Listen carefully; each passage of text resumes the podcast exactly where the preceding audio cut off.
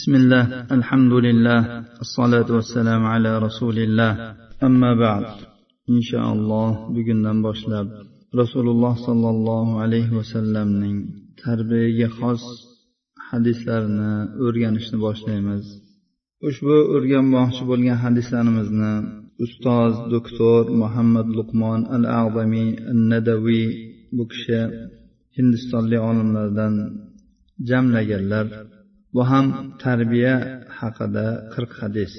Inshaalloh bugun shu hadislardan birinchisini o'qib o'rganamiz.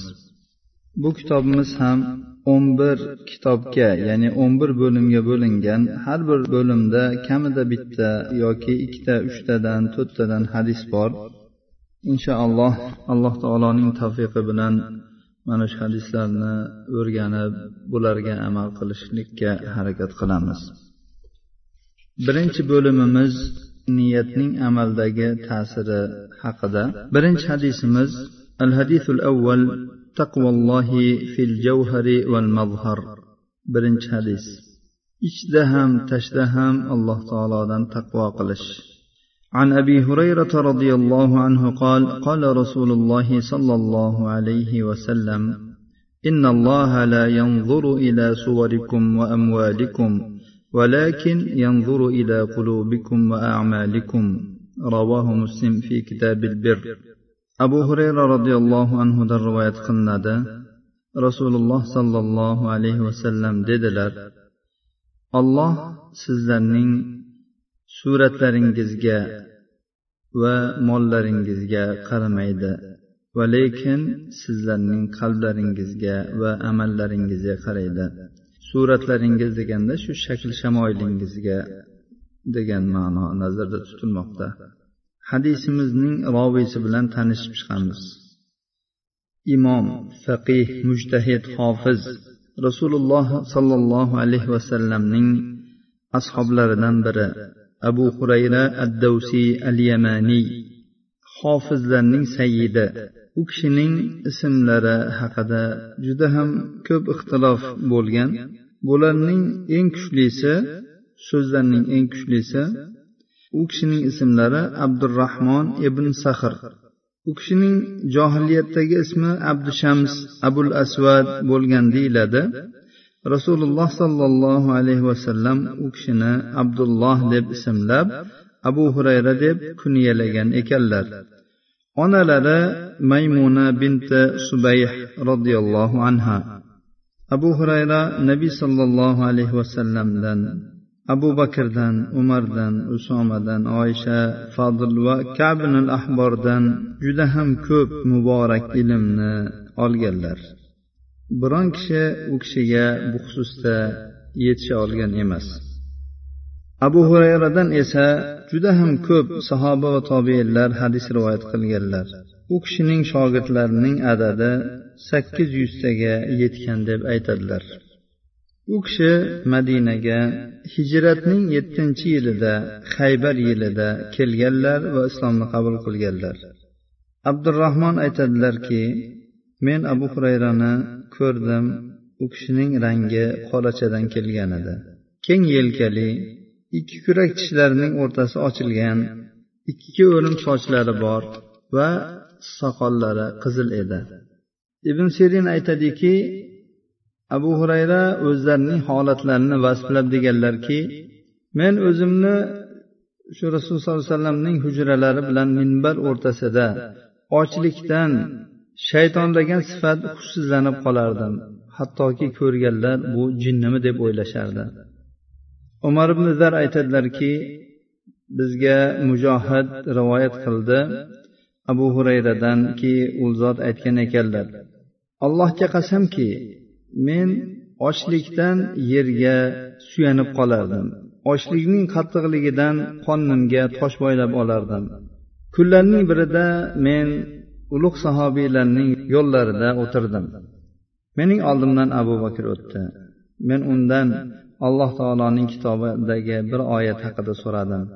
Men bu oyatning ma'nosini so'rashligimdan maqsad men bilan birga yur deb aytarmikinlar deb so'ragandim. U kishi o'tib ketdilar meni birga olib ketmadilar. Oldimdan umar o'tdilar u kishiga ham shunday qildim. U kishi ham meni birga olib ketmadilar. Keyinroq rasululloh sollallohu alayhi vasallam mening oldimdan o'tib qoldilar. Va mening yuzimdan menga yetgan ochlikni bildilar va aytdilarki abu hurayra men labbay ey rasululloh dedim. Men bilan birga yur dedilar. Rasululloh sollallohu alayhi vasallam bilan birga borib uylariga kirdik. U zot qaragandilar uyda bir qadah to'la sut turgan ekan. Bu sut qayerdan keldi? deb so'radilar. Ahli bayt aytdilarki buni sizga falonchi yuboribdilar. Shunda rasululloh sollallohu alayhi vasallam ey abu hurayra ahli suffani borib chaqirib kelgin dedilar. Ahli suffa islomning mehmonlari edi. Ularning na ahli va na moli bor edi. Rasululloh sollallohu alayhi vasallamga alloh taologa va rasululloh sollallohu alayhi vasallamga itoat qilmasdan iloj yo'q. Men ularning oldiga bordim. Ular rasululloh sollallohu alayhi vasallamning da'vatlariga ijobat qilib keldilar. Uyga kirib o'tirishgach rasululloh sollallohu alayhi vasallam aytdilarki ey abu hurayra bu sutni ol va ularga ber dedilar. Men har bir kishiga qadahni tutar edim. U to'yguncha qadahdan ichardi. Hattoki ularning hammalariga men qadahni tutib chiqdim va oxirida qadahni rasululloh sollallohu alayhi vasallamga tutdim. U zot menga kulib qaradilarda aytdilarki men va sen qolding. Men to'g'ri aytdingiz ey rasululloh dedim. Shunda u zot ich dedilar. Men ichdim. U zot yana aytdilar ich men yana ichdim. U zot menga ich deyishlikda davom etdilar. Men ichaverdim ichaverdim. Hattoki ich degandilar aytdimki sizni haq bilan yuborgan zotga qasamki nafas olishga o'rin qolmadi dedim. Shunda rasululloh sollallohu alayhi vasallam sutni oldilar va qolganini ichdilar. Ushbu hadisni imom buxoriy sahihlarida rivoyat qilganlar va rivoyat qilishdan oldingi boblarini nabiy sollallohu alayhi vasallam va u zotning ashoblarining maishatlari hayotlari qanday bo'lganligi haqidagi bob deb nomlaganlar. Abu hurayra rasululloh sollallohu alayhi vasallam bilan to'rt yil suhbatdosh bo'ldilar. U rasululloh sollallohu alayhi vasallam bilan birga u zotning ayollarining uylarida birga aylanib yurardi. Rasululloh sollallohu alayhi vasallamga xizmat qilardi va u zotning orqasida namoz o'qirdi. Rasululloh sollallohu alayhi vasallam bilan birga haj qilardi birga g'azotga chiqardi va u zotning majlislaridan hech uzilmas edi balki uning uyi masjid edi imomi esa rasululloh sollallohu alayhi vasallam edi. U rasululloh sollallohu alayhi vasallamning sunnatlaridan va shariatning nozik masalalaridan juda ham ko'pini shu tufayli bildi. Rasululloh sollallohu alayhi vasallam abu hurayraning hadisga bo'lgan hirsi va ilmga bo'lgan muhabbatini bildilar. Shuning uchun ham u zot abu hurayra bergan savolga tezda javob berardilar.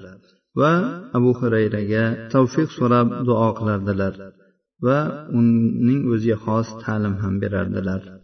Abu hurayraning hadislarining ko'pligining sababi. Abu hurayra roziyallohu anhu o'zlari haqida shunday so'zlab berganlar. Mening muhojirlardan bo'lgan do'stlarimni yerlari va o'sha yerlarga qarash ularni mashg'ul qilib qo'yardi. Men esa miskin odam edim. Rasululloh sollallohu alayhi vasallam bilan birga edim. Ular yo'q bo'lsalar men hozir bo'lardim. Ular esdan chiqarsalar men yodlab olardim. Nabiy sollallohu alayhi vasallam kunlarning birida bizga shunday dedilar. Kim kiyimini yozadi men unga hadislarimni to'kib beraman. So'ngra u uni o'rab oladi shundan keyin mendan eshitgan biror narsasini esdan chiqarmaydi dedilar. Shunda men darhol kiyimimni rasululloh sollallohu alayhi vasallamning oldilariga yozdim. So'ngra uni o'rab oldim. Allohga qasamki men ana shundan keyin rasululloh sollallohu alayhi vasallamdan eshitgan narsalarimdan biror narsani esimdan chiqarmadim. U kishining hadislarining ko'p bo'lish sabablaridan yana biri u kishining savol berishga jur'atliligidir. Moz ibn muhammad ibn moz ibn ubaydan rivoyat qilinadi. U ubay ibn kabdan rivoyat qiladi. Aytdilarki abu hurayra bizning ichimizda nabiy sollallohu alayhi vasallamga nisbatan eng jur'atlimiz edi. U rasululloh sollallohu alayhi vasallamdan biz so'rolmaydigan savollarni so'rardi. U kishi rivoyat qilgan hadislarning adadi besh ming uch yuz yetmish to'rttadir. Bulardan imom buxoriy va muslim rivoyat qilishda ittifoq qilganlari uch yuz yigirma oltita buxoriy yolg'iz holatlarida to'qson uchta hadis rivoyat qilganlar muslim esa to'qson sakkizta hadis rivoyat qilganlar. Jami e, imom buxoriy va muslim muttafaqun alayh va alohida holatda besh yuz o'n yettita hadisni abu hurayradan rivoyat qilganlar. Salim ibn bashirdan rivoyat qilinadi. Aytadiki abu hurayra kasal to'shagida yotganlarida yig'ladilar. Shunda nega yig'laysiz? deyishdi. U aytdiki men sizlarning mana bu dunyongizga yig'lamayman lekin safarimning uzoqligi va zodirohlamning ozligiga yig'layman. Men do'zax va jannat o'rtasidagi bir holatda bo'lib qoldim. Bilmayman men qaysi biriga olib ketilaman. Voqidiy aytganlarki abu hurayra ellik to'qqizinchi hijriy yilda vafot etganlar ularning ana shu kunda yoshlari yetmish sakkizda bo'lgan. Hadisning umumiy ma'nosini o'rganib chiqamiz. Arablar sahro tabiati ularga singdirib qo'ygan o'ziga xos taqlidlar o'ziga xos urf odatlar fazilatlar va faxrlanishlar ustida edilar. Ulardan ba'zilari saxovatpeshalik shijoat dimog'dorlik manmansirash va jismning quvvatiga ishonish tashqi ko'rinishga suratga va shakllarga ahamiyat berish ya'ni shu e, johiliyat o'lchovlariga binoan ya'ni masalan shuhrat talablik maqsadida shakllarga va tashqi ko'rinishlarga ahamiyat berishlik kabi ixtisoslar dedilar. Islom kelib mana shu me'yorlarni to'g'riladi va ularni quruq ko'rinish va riyokorlikdan tozaladi.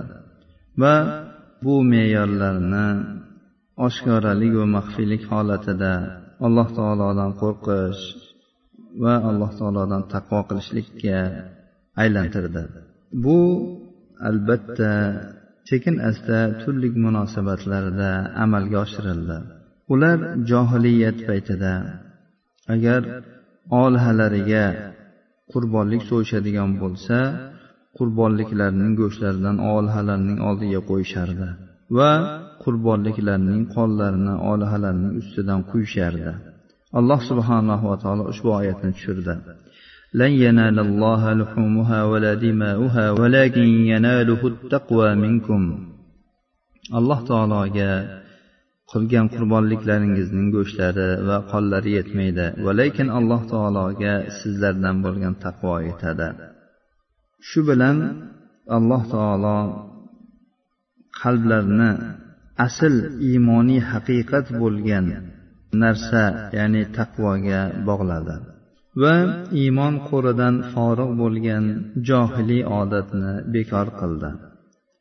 mo'minlarni qabilaviylik me'yorlari bo'lgan faxrlanish riyo va tashqi ko'rinishga ahamiyat berishlikni tark qilishga yo'lladi ushbu hadis mana shu tushunchalarni sharhlash va ta'kidlash uchun keldi rasululloh sollallohu alayhi vasallam aytdilarki إن الله لا ينظر إلى صوركم وأموالكم ولكن ينظر إلى قلوبكم وأعمالكم alloh taolo sizlarning suratlaringizga va mollaringizga qaramaydi lekin u sizlarning qalblaringizga va amallaringizga qaraydi.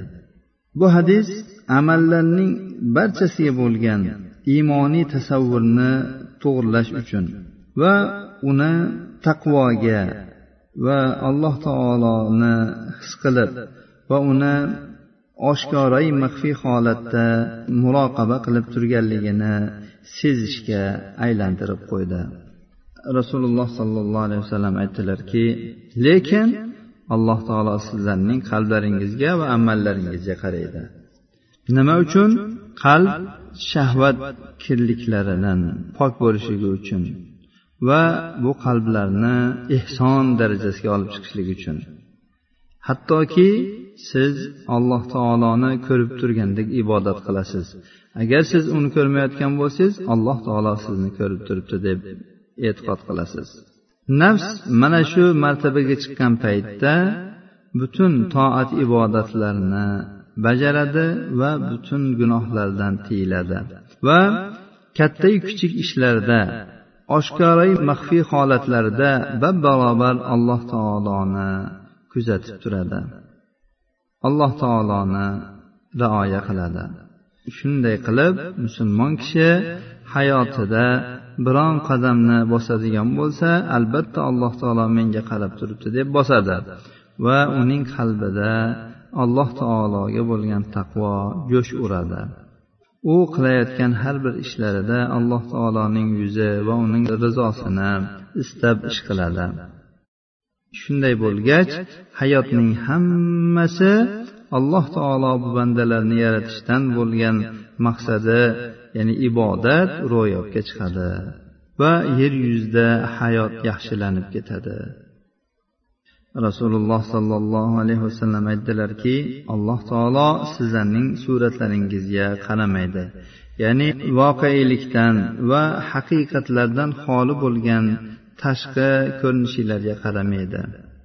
Insonning qadr qiymati va haqiqiy surati alloh taologa nisbatan sodiq bo'lishi va odamlarga nisbatan muxlis bo'lishi munofiqlikdan uzoq bo'lishidadir. Ya'ni alloh taolo sizlarni tashqi suratinglarga qarab sizlarga mukofot yoki jazo bermaydi. Va alloh taolo sizlarning mollaringizga ham qaramaydi. Bu mollariki zakotdan boshqa yaxshiliklardan xoli bo'lgan mollar. Oyat karimada kelgan so'rovchi va mahrum kishilarning haqqi undan chiqarilmagan mollar. Alloh taolo aytadiki ularning mollarida so'rovchi va mahrum kishi uchun haq bordir. Va yana mollariki bu ota onaga yaxshilik qilish va qarindosh urug'lar bilan silay rahm qilish yo'lida sarflanmagan mollarga qaramaydi alloh taolo aytganki وآت ذا القربى حقه والمسكين وابن السبيل ولا تبذر تبذيرا qarindosh urug'larga haqqini bering miskinga ham haqqini bering ibn sabilga ham haqqini bering va behuda sarflamang rasululloh sollallohu alayhi vasallam mo'min kishi uchun ushbu yo'llanmalarni berdilar Toki mo'min kishi alloh taoloning mol ne'matini qadrlasin va bu molni qur'on va sunnatga binoan boshqarsin va bu mol mening qo'limda allohning omonati degan asosda infoq qilsin sarflasin. Alloh taolo aytganki ular biz rizq qilib bergan narsalardan infoq qiladilar. Alloh subhanahu va taolo allohning yo'lida infoq qilingan mollarga savob beradi alloh taolo dedi الذين ينفقون أموالهم في سبيل الله ثم لا يتبعون ما أنفقوا منا ولا أذى لهم أجرهم عند ربهم ولا خوف عليهم ولا هم يحزنون mollarini olloh yo'lida infoq qiladigan kishilar so'ngra infoqlarning ortidan minnat va ozor qilmaydigan kishilar. Bular uchun robbilarining huzurlarida ajrlari bordir. Ular ustida xavf xatar yo'q va ular xafa ham bo'lmaydilar.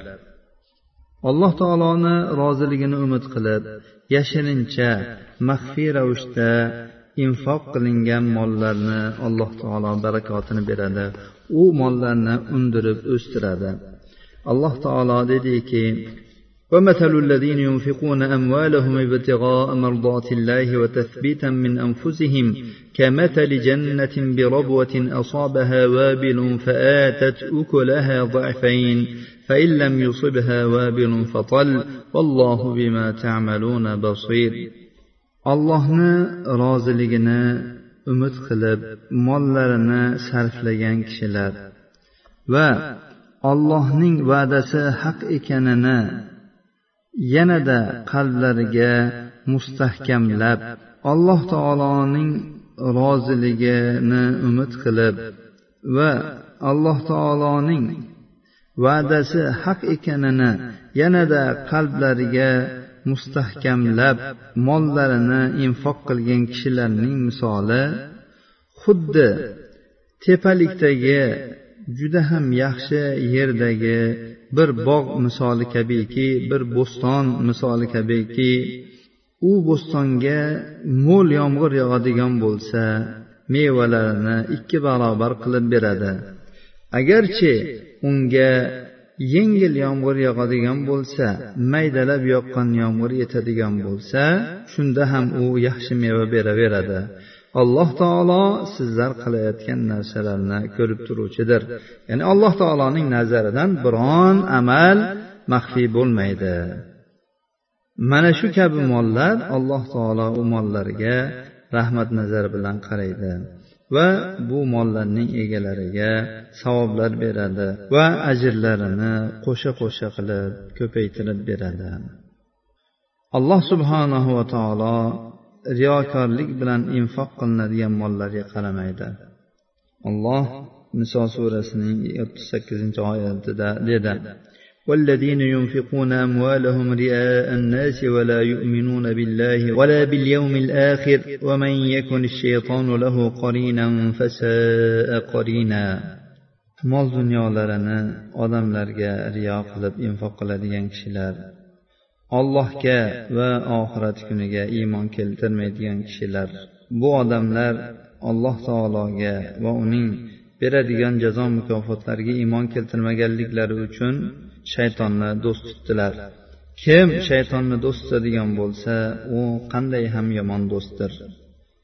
Rasululloh sollallohu alayhi vasallam dedilar alloh taolo sizlarning mollaringizga qaramaydi.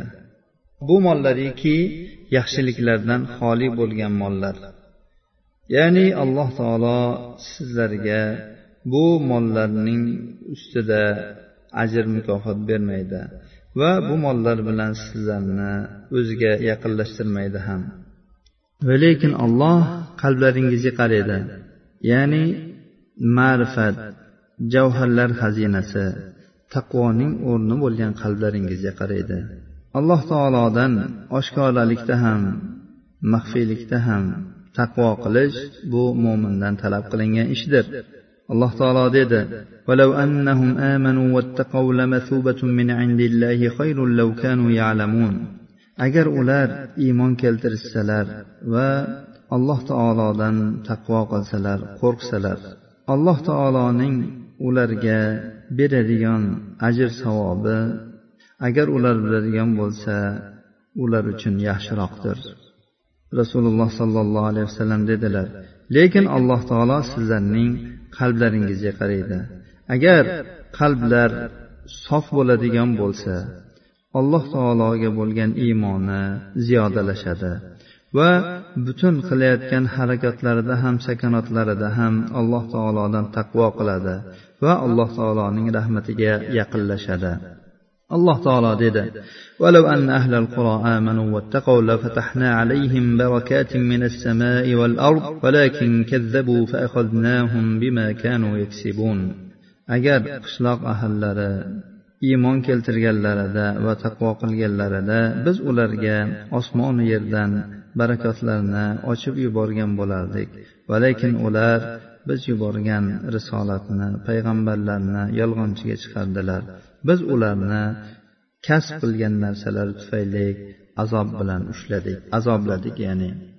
Nabiy sollallohu alayhi vasallam va lekin alloh taolo sizlarni qalblaringizga qaraydi degan so'zlari bilan ishora qilgan ma'nolarning eng ko'zga ko'ringan tomoni qalblar salaflar tushunganlari kabi taqvoning o'rnidir. Alloh taoloning nazar qilish o'rnidir. Alloh taolo aytadiki alloh taolo taqvo qilgan va muhsin bo'lgan kishilar bilan birgadir. Ya'ni ular bilan quvvatlashi nusrat berishi va ularga yordam berishi hidoyat qilishi bilan birgadir.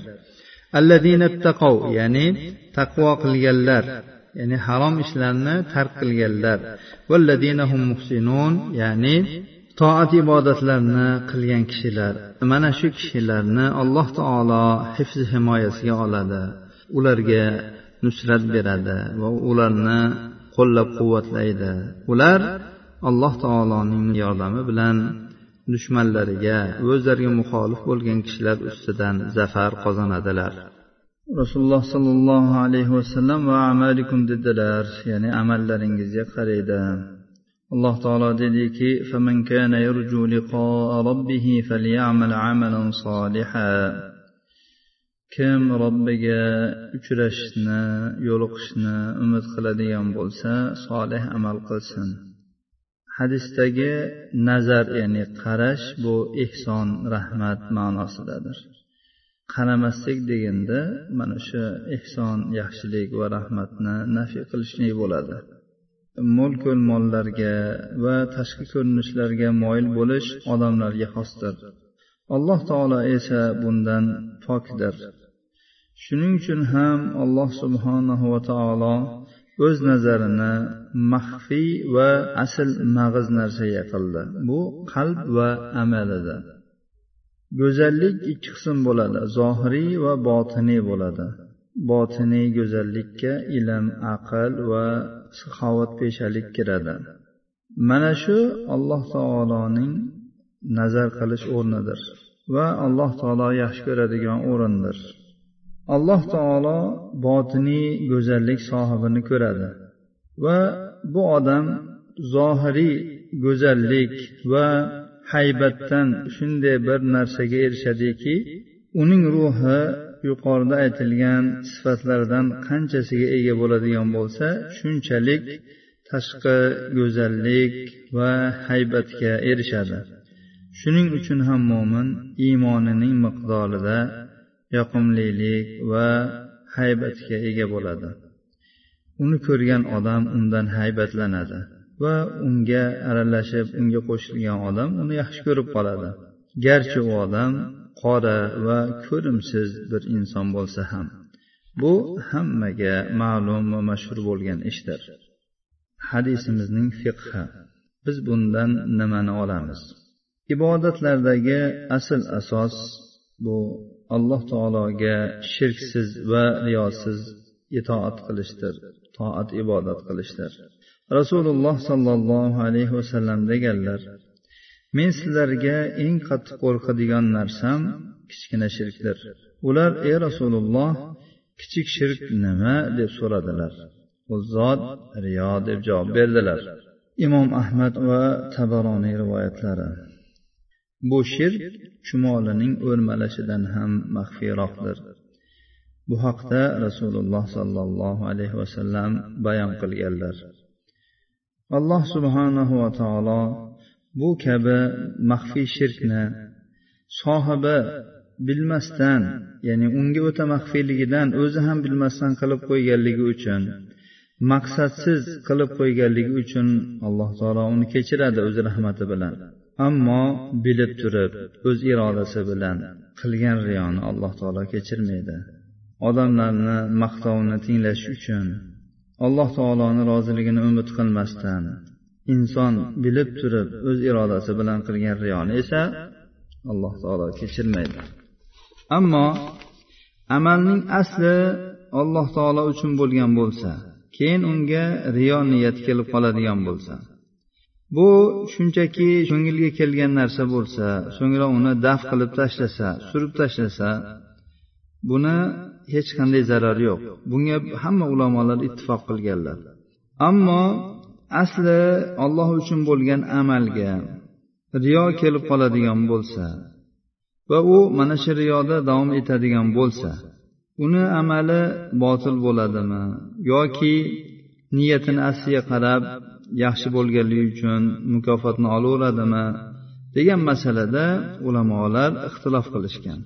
Bu ixtilofni imom ahmad ibn jarirlar keltirganlar va bu ikkilari uning amali e, riyo qo'shilib qolishligi bilan asli sof niyatli bo'lganligi uchun botil bo'lmaydi.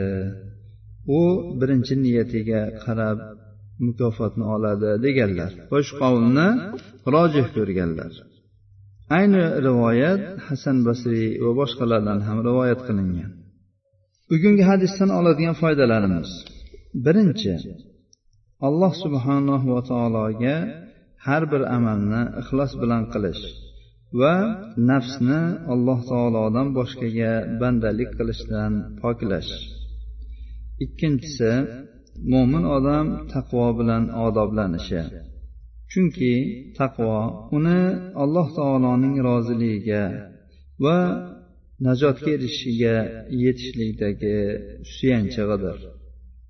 Uchinchisi hadis shariatga xilof bo'lgan urf odatlar va an'analarni tashlash va butun zohiriy ishlar va riyokorliklardan uzoq bo'lishlikka chaqirmoqda. To'rtinchisi hadis tashqi ko'rinishga beparvo qarashlikni anglatmayapti. Balki tashqi ko'rinishgagina suyanib qolish va buni odamlarni o'lchaydigan mezon qilib olishlikni rad qilmoqda. Musulmon kishining ichi ham tashi ham pokiza va chiroyli qiyofalik bo'lishi lozim bo'ladi. Mana shu bilan uning shaxsiyati ikki tomonlama ichki va tashqi tomonlama mukammal bo'ladi. Beshinchisi imom g'azoliy aytganlarki ushbu hadis bizga bayon qildiki qalb alloh taoloning nazari tushadigan o'rin ekan. Ne ajabki odamlarning nazari tushadigan yuziga ahamiyat beradigan uni yuvib uni kirliklardan tozalaydigan va uni imkon qadar ziynatlaydigan ya'ni odamlarning ko'zlari biror aybga tushib qolmasin deb uni imkon qadar ziynatlaydigan odamlarga ajab holbuki u xoliq zotning nazari tushadigan qalbini poklamaydi ham ziynatlamaydi ham alloh taoloning bir nazari yomon narsaga tushib qolmasin deb ichini qalbini poklamaydi ham uni ziynatlamaydi ham هذا وصلى الله على نبينا محمد وعلى آله وصحبه وسلم